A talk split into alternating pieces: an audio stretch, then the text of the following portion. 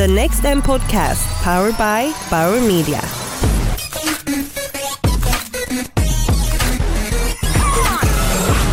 Hej och välkomna till Next M-podcasten 2017 som presenteras av Bauer Media.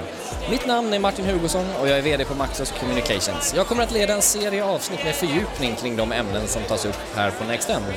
Nu sitter jag i Bauer Medias bås mitt i händelsernas centrum på Next M tillsammans med Cody Foster. So, uh, welcome Kodi. Oh, so nice to have you here. You're the Senior Vice President of Data and Strategy at Viacom. Correct. Yep.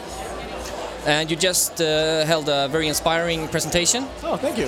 Uh, would you mind giving the listeners a short recap of Yeah, that? uh, uh, I'd be delighted. I think you know, when I, whenever I, you know, want to talk about stuff that's happening in, in our industry, and that's media, marketing, advertising, I always start with something that is really just affecting myself and my team, and a problem that we've literally run into head on. And hopefully, you know, we can open a dialogue on sort of how we can collectively, you know, solve these complex problems. In, in this particular case, it was around, you know, my team is a data science team that is ultimately trying to mine clean data so that we can build cognitive capabilities around understanding fans and audiences. You know, how do we understand the behaviors of what really delights and engages, uh, you know, fans around the world of, of, of, of Viacom um, so that we can you know continue to create that delightful experience and, and hopefully sustain it over time. And you know what my team and I have found is that you know when we're building our, our tools to, to support the decision making around these affinity models and behavioral models, is that a lot of times the data is machine you know I call it machine biased. You know you know we as as data scientists and marketers and content creators we're trying to understand audiences not directly through the audience, but through the filter of the machines that the audiences engage with. And so those machines are the proxy that we're actually trying to understand their opinions of what the audience likes and dislikes, and maybe not the actual, you know, you know, dislikes and likes of the audience. And our job has been essentially how do we build models that essentially game the machines so that they will rank our content and our messaging high enough to actually be shown to the fans and the audiences that we're trying to reach, right?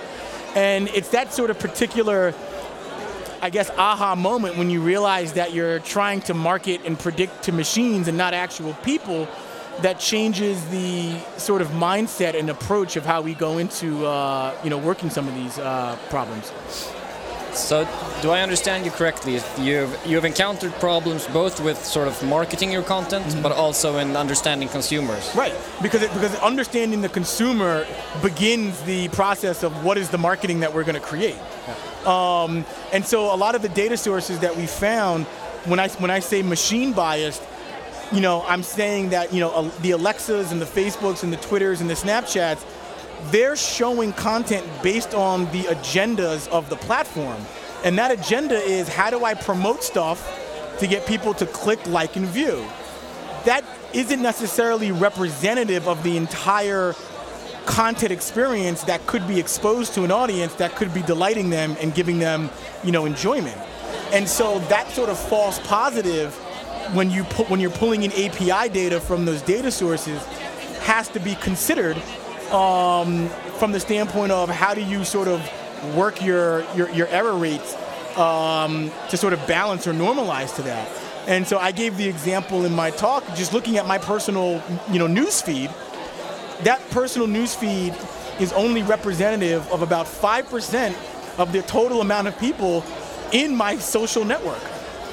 And if I'm only seeing content from 5% of the potential people I could be seeing content from, and then all of that content is sort of clustered around the same sort of similar themes and content types, if my team pulled in data to say, oh, let's understand who is Kodi Foster? What does he like?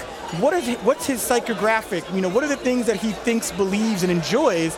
You're only getting that really small slice based on what was shown to me and really don't have a full holistic understanding of who I am and what drives me.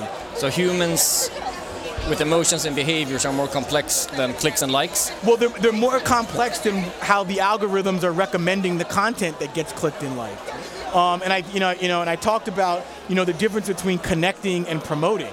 when you're when you're all about connecting, essentially all the content would get fair value, and I would see every piece of content that every 540 person, you know, in my social network posted. And then it would be up to me to decide how much time do I spend sifting through it and then deciding what do I click and like.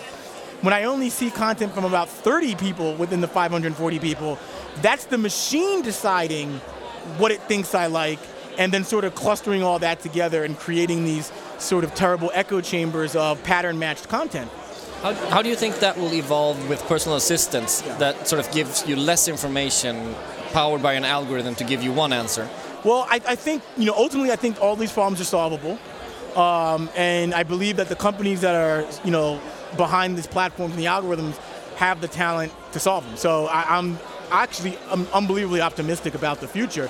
It's just going to take two things. It's going to take, you know, more ethical guardrails on sort of how the machines are biased. You know, you know, economic bias is one of the drivers. Oh, someone paid me a ton of money, so I'm going to show this ad to a ton of people, even though it might not be the best thing to do. Um, but also, I think it's going to be solved by just better technologies. You know, it's going to be someone's going to figure out how to better balance the algorithms, or even you know better use AIs that are a little bit more nuanced in how they're you know processing the information through deep neural networks so that maybe more of a breadth of content would be shown that still matches, you know, my interest level. I mean, I'm assuming because I'm friends with these people and I actively chose to be friends with them on the social network that I probably want to be aware of every now and again of what they're up to, right?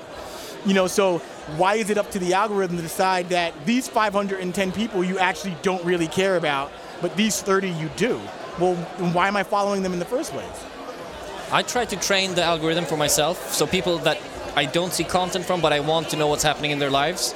I look them up and I click and like right. on a couple of stuff just to get them back in my feed. We all do that. I think what we end up doing is, and, and, a lot of these platforms have, you know, you know, you know, thankfully given us the options to either unfollow certain people to say, hey, look, algorithm, you're really overemphasizing this person. I don't need to know everything, or to your point, to put someone in your favorites.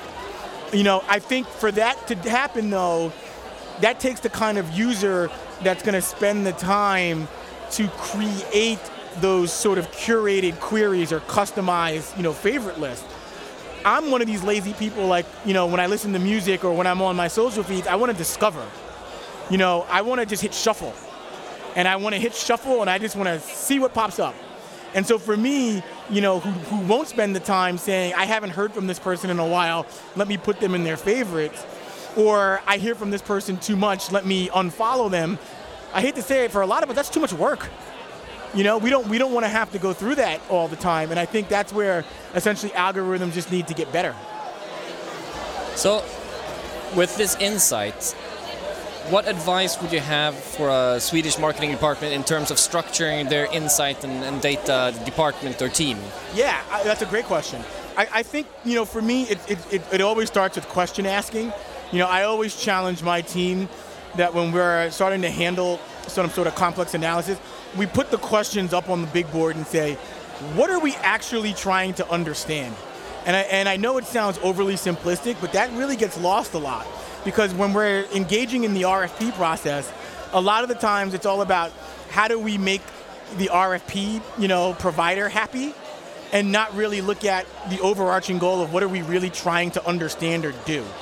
Once we understand what we're trying to understand, you know, what we're trying to get at, and maybe for an example is, you know, is there a taxonomy of attributes that would lead towards a piece of branded content in this advertising space having a higher propensity to be engaged with for this type of audience than other content, right? And so, okay, what are we trying to do? We're trying to do a content analysis. We're trying to break down branded content for millennial moms within the automotive space. Okay, so how do we go about breaking that? Well, first, what makes up a piece of branded content for millennial moms in the automotive space? We start unpacking that, and then we start doing, okay, how does the ones that highly perform cluster together and how do the ones that poorly perform cluster together? What are the differences between the two and what are the similarities, right? That's a very oversimplified, you know, example, but if you don't know what you're actually trying to accomplish in the beginning, which is what types of branded content, you know, for moms in the automotive category works better, then you're sort of just grasping at straws. And you know, I, I can't emphasize enough how reverse engineering to an outcome is is for me ideal. You know, if you have a strong understanding what that outcome is. Can you elaborate on that? Yeah, so we want to get people to go onto an automotive dealership lot to buy a car. That's the outcome. Okay, what data can we now ingest and analyze so that we can start isolating the patterns that has a higher probability to move people to actually go to a dealership lot? That's what I mean about reverse engineering to an outcome. Having that strong outcome is very important because it starts to allow you to look at the taxonomy of attributes that lead or tend to trend towards that outcome and helps to isolate the noise because anything that isn't leading to that outcome you can just throw out. So, what skills are you valuing or think that you will val- in, in value more in, Yeah. in the next six months than in the past two years? I would say complex problem solvers. I mean, you know, when when I'm looking to recruit, it, it can be a, a range of different, you know, you know, educational and work backgrounds, but it's really about people who can look at a problem from several different several different angles. You know, I like people who look at a problem and don't just say, "Oh, this gets more likes and clicks." It's no, this does more from an outcome standpoint, or you know what? This is too indicative of a false positive. The likes and clicks don't really mean as much as they mean. People that question um, the sort of status quo and question the data um, and aren't just looking to, you know, like you know the famous expression, if you torture data long enough, it'll tell you whatever you want it to know, you know, whatever you want to know. Um, and people who aren't just looking at it at face value and are saying what's really happening behind the scenes that we have to be aware of so that we're not creating a model that is somewhat skewed or, or delivering a false positive as far as estimating an outcome of X or predicting an outcome of Y. Um, so that was a very sort of long-winded way of saying people who can think broadly, people who, you know, are technically minded but but think more like creatives. Super. Uh, I think you mentioned the danger with different sense of reality in, Yes. in your presentation. Do you want to elaborate for the listeners on your take on that? Yeah, I mean, I mean, this was something that I think that Mark Zuckerberg actually, you know, talked on and, and just nailed in sort of his recent, you know, you know, long long form press release, and that is, what does it mean at a both a macro and micro level, if the baseline perception of human comprehension becomes so variable?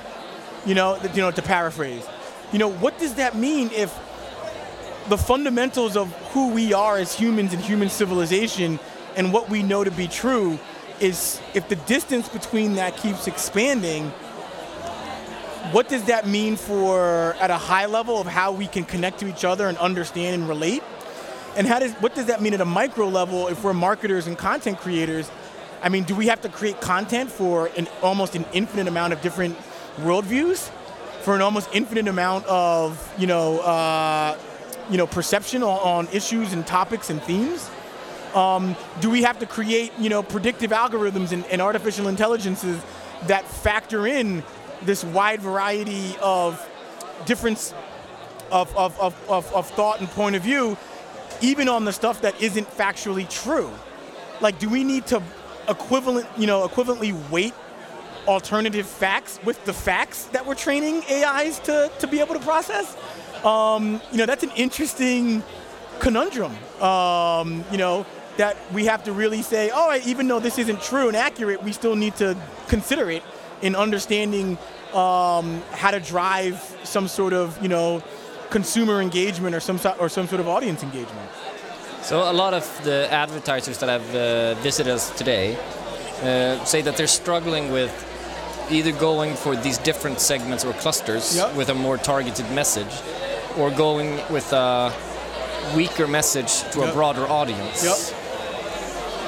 I mean, that's like saying tomato, tomato. Um, I would, I would, I would, I would argue and say, not argue, I would sort of lead people down to what you know we call it Viacom is smart scale, and smart scale is really looking at a, an ensemble model between the total aggregate audience that makes the most sense for you to reach out to relative to your ability to, you know, target them, you know? You know, what do I mean by that? You want to get the most people that are best for you, but you also want to make sure that you're efficiently cutting out the waste that really isn't going to move the needle, right? And that's a ratio that you really want to get good at getting to that sort of threshold and sort of owning that. And at Viacom, we like to talk about persuadability. And so that means you don't want the people that are already buying your product or already engaged in your service. You want to then look at, because we want, to grow market share, right? You want to look at what's that next group of clusters that has the same sort of persuadability gene to become part of that primary cluster. And that's where you really want to, I think, focus your efforts. So you don't want to be too, too broad, but you don't want to be too, too narrow either. You want to have a balanced model. And I think if you do that, you'll get the most sort of bang for your buck or efficiency um, so that you eliminate, you know, needless waste. Do you anticipate any changes in Viacom that you want to tell us about in the next year or during Oh. 2017? I mean, yeah, it's gonna get sexy. um, I mean, just you know, just super excited about um, not only the strategic direction of the company. Um, you know, the Paramount Network is going to be relaunched. It was going to be launched next year. Um, that was it was previously called, called Spike, but it's uh, being rebranded as the Paramount Network, and it's just going to have some really unbelievable content on there. Um, you know, MTV is obviously always MTV. It's always leading as a cultural voice. Um, you know, BET has got some great, you know, content that's going to be coming out. Um, obviously, the new edition uh, documentary, you know, biopic, if you will, was amazing. Um, yeah, I think I'm just really excited about the content um, and you know the programming. Obviously, Paramount Film Studio with you know Ghost in the Shell is out right now. It's just crushing. Um, so we're going to see some more really great uh, tentpole movies. And then from an innovation standpoint, I think we're going to just continue to try to lead in the development of, of advanced advertising technologies that tackle a lot of these problems and that can that will continue to provide you know the right combination of value to our you know to our advertising partners without degrading ultimately what which is our lighthouse and that is the fan experience. Super. Thank you so much for joining us. I appreciate Thank it. you. Cheers.